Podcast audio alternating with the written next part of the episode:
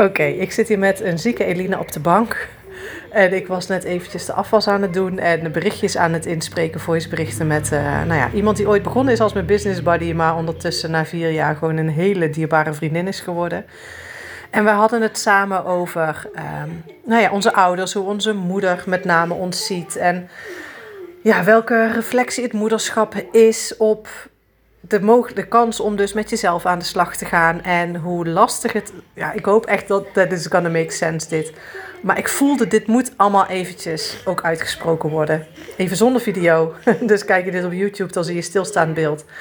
En ik ga kijken hoe ver ik kom met Elina. Maar waar het om gaat, ik zal even een stukje van mezelf schetsen.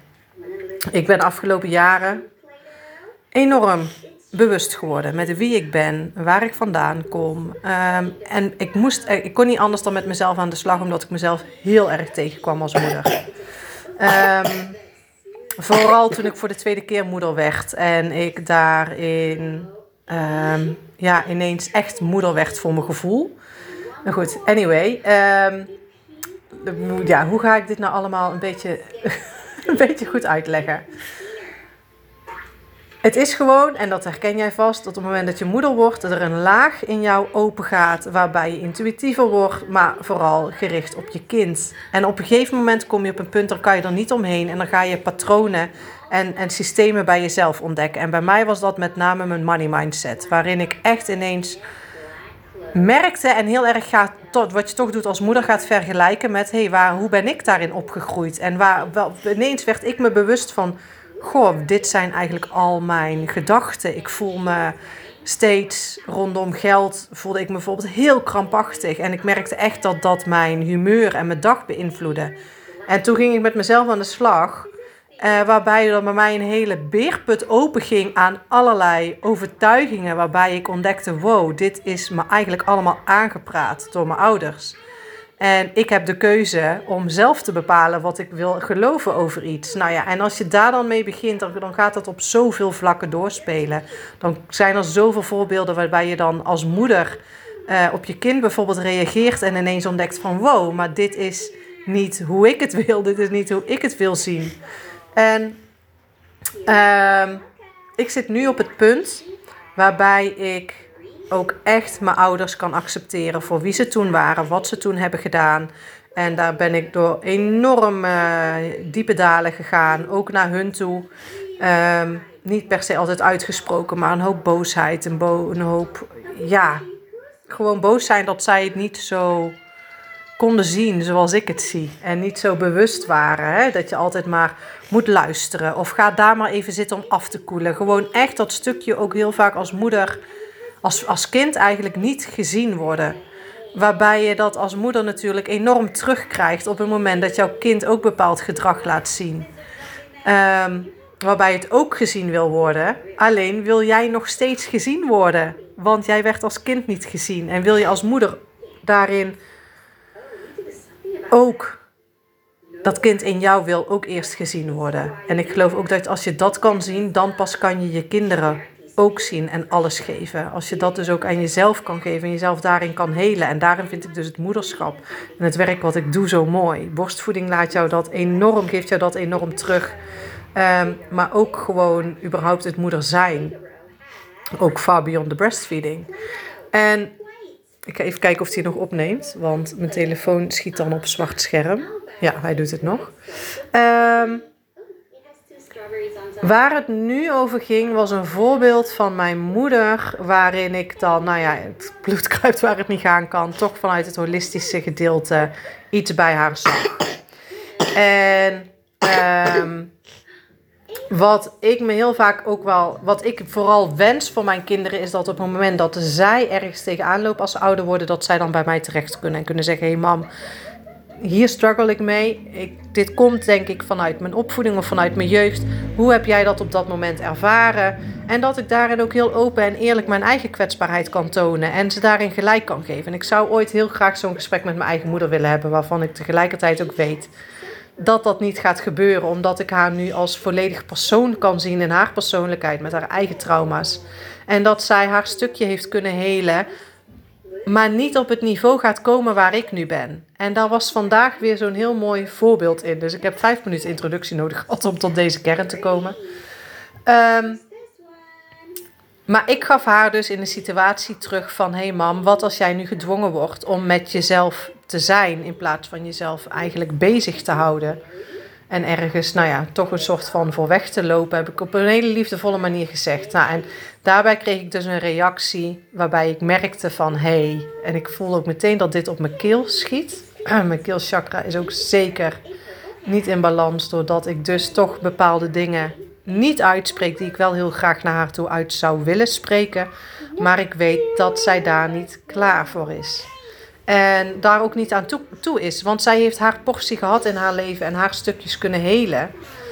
Ehm, vanuit nog een externe factor. Hey, dit is mij overkomen, dus dan ga ik dat trauma helen in plaats van wie ben ik als persoon? Waar komt dat vandaan? En hoe kan ik daardoor dan als persoon veranderen?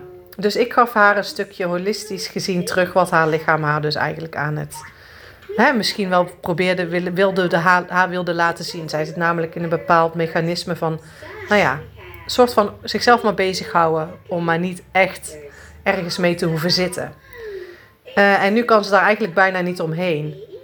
Maar ja, dit kwam gewoon niet binnen. Ze zei letterlijk uh, gewoon: uh, Oh nee hoor, dat heb ik allemaal al gedaan en dat, dat doe ik ook steeds. Ik denk, nou oké, dan begrijp je inderdaad niet waar ik het over heb. En toen besefte ik me is dat wel haalbaar?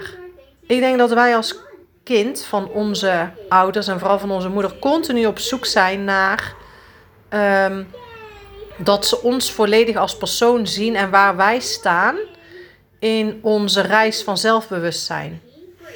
Alleen kunnen zij dat zich niet voorstellen omdat zij daar niet zijn. Onze kinderen worden straks ouder en zijn dadelijk, net als ik, 40. En zijn dan alweer zoveel stappen verder dan waar ik nu ben als ik, waar ik ben als ik 60 ben of 70 ben.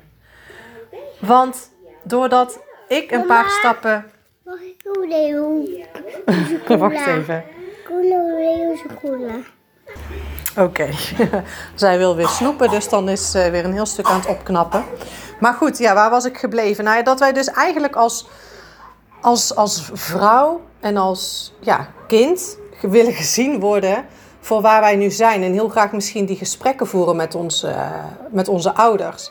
Alleen zij hebben kunnen helen en aan kunnen kijken in hun leven waar zij klaar voor waren. Zodat wij op een bepaald niveau zeg maar op konden groeien. Wij gaan vervolgens ook die hele reis van zelfbewustzijn op een veel dieper laag en op veel dieper niveau aan. Onze kinderen gaan daar vervolgens nog weer een stapje in verder. En ik denk dat wij als vrouw vooral daarvan bewust mogen worden. Want we hebben ons heel vaak als kind niet gehoord en gezien gevoeld. Wij zijn opgegroeid uit de generatie ouders die continu hebben gezegd van ga maar afkoelen op je kamer. Of hou nou eens je mond. Doe nou eens rustig. Ze hebben je laten huilen als kind allemaal, allemaal imprints waarin jij dus niet gezien werd en niet gehoord werd in jouw emoties. Wij doen dit nu al bij onze kinderen. Dus moet je nagaan hoe onze kinderen dan weer anders opgroeien en met al een hele andere basisimprint. En daardoor dus veel sneller bewust worden en nog meer diepgang in hun eigen ontwikkeling kunnen krijgen. Dus wat wij nu als moeder, als vrouw eigenlijk en als kind van onze moeder proberen is nog steeds van zie mij. Um, je wil misschien een gesprek aangaan en, en, en volledig jou, jouw persoonlijkheid laten zien. Alleen wordt er dan nog steeds heel vaak getriggerd dat je dus niet gezien wordt, omdat zij zich niet voor kunnen stellen dat je op zo'n manier, ik ben heel, heel erg aan het generaliseren, hè, maar dat zij niet kunnen zien waar jij nu staat. Mijn moeder heeft geen idee wie ik echt werkelijk qua persoonlijkheid ben, omdat ik weet dat zij daar niet aan kan. En dat is niet dat ik dat zeg en dat dus maar ben, mezelf ben gaan vertellen. Maar voorbeelden als dit vandaag laat gewoon weer zien dat het klopt. Dat ik dat goed aanvoel. Dat ik haar goed aanvoel. En precies haarzelf misschien nog wat beter ken dan zij mij. Want zo intuïtief ben ik wel, dat ik daar bij mensen doorheen prik. En dus juist ook bij mijn eigen moeder. En ik weet zeker dat jij dat waarschijnlijk ook hebt. Alleen daar misschien nog wat meer in mag ontwikkelen. En nog, nog te vaak misschien tegen een bepaalde muur aanloopt. En dus getriggerd wordt. En soms emotioneel wordt. Of, of, of steeds toch teleurgesteld een bepaalde laag in jezelf uh, krijgt. Een bepaalde laag van teleurstelling. Laten we even normaal Nederlands praten. En ik was dit zo ja, net eventjes tegen, tegen haar in de voices aan het vertellen. En ik dacht, dit moet ik gewoon ook eventjes um, op een spraakrecorder opnemen en, en, en als podcast gaan plaatsen. En ja, ik weet dat normaal het praat ik er nog meer over ga. Dus ik zit nou te denken, ga ik hier nog verder over door? Of laat ik dit nu eventjes zo bij je bezinken? Ik denk dat mijn boodschap vooral is het oké worden met dat je niet helemaal, dat is het ook, gezien wordt door je moeder voor wie je volledig bent. Maar dat je dat dus uit jezelf mag gaan halen. Dat, het, dat je echt los kan komen van dat feit dat je iemand nodig hebt. En het liefst natuurlijk je moeder, want zij heeft jou het leven gegeven. En je hebt altijd ook als kind heel erg afhankelijke relatie gehad van je moeder. Want zonder je moeder zou je, zeker als je, als je borstvoeding krijgt dan, hè, vanuit onze natuur, niet overleven. Je hebt altijd moeten schreeuwen om aandacht. Je hebt altijd moeten zien, zie mij, want ik heb honger. Zie mij, want ik heb verzorging nodig. Zoals onze kinderen ook bij ons doen. Hè. Zie mij, want ik heb dit nodig.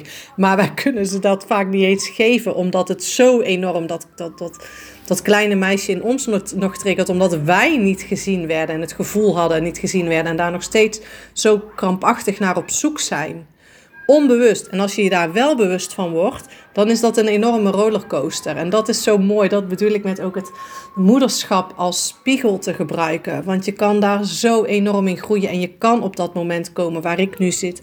Waarbij je echt kan zien: hé, hey, het, het is oké. Het is helemaal goed. Ik heb dat niet meer nodig. Ik kan jou zien voor de persoon die je bent. Ik kan jou vanuit liefde jouw gebreken, zeg maar, zien. Maar daar helemaal oké mee zijn. Omdat ik oké ben met wie ik ben. Opgegroeid met al die gebreken. En dan ben ik ook oké als moeder naar mijn kinderen. Omdat ik weet dat ik daarin het ook niet perfect doe. En zij ook weer met gebreken op zullen groeien. Maar dat geeft me dan zoveel energie en kracht. Dat ik weet dat tegen de tijd dat ik 80 ben en zij 40 zij alweer zoveel verder zullen zijn als ik. Maar ook de rust. Ik zei net van ik hoop dat ze dan bij mij terecht kunnen. Ik vraag me af of ik dan daar ook kan komen waar zij dan zijn. Ik vraag me af dat als zij straks met weet ik wat voor bewustzijn, in een bewustzijnsenergieniveau zitten, waar ik dan misschien nog helemaal niet kan. Want als ik nu al kijk naar de vrouwen die ik coach, die bijvoorbeeld 25 of 30 zijn, die zijn al zoveel verder dan waar ik op die leeftijd was. Dus moet je nagaan waar zij zijn als zij 40 zijn en waar ik dan ben als ik 50 ben. Weet je, daar heb ik ook een keer een post over geplaatst. Omdat ik steeds het gevoel, of soms het gevoel heb van... Ik ga achterlopen.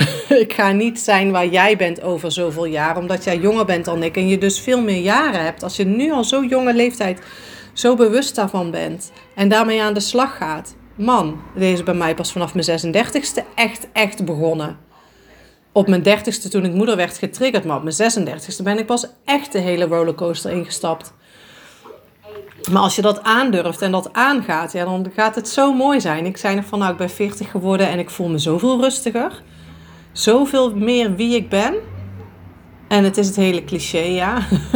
en als je 50 bent, dan geef je helemaal geen zak meer om wat mensen van je vinden. Daar heb ik ook wel heel veel behoefte aan om daar te komen.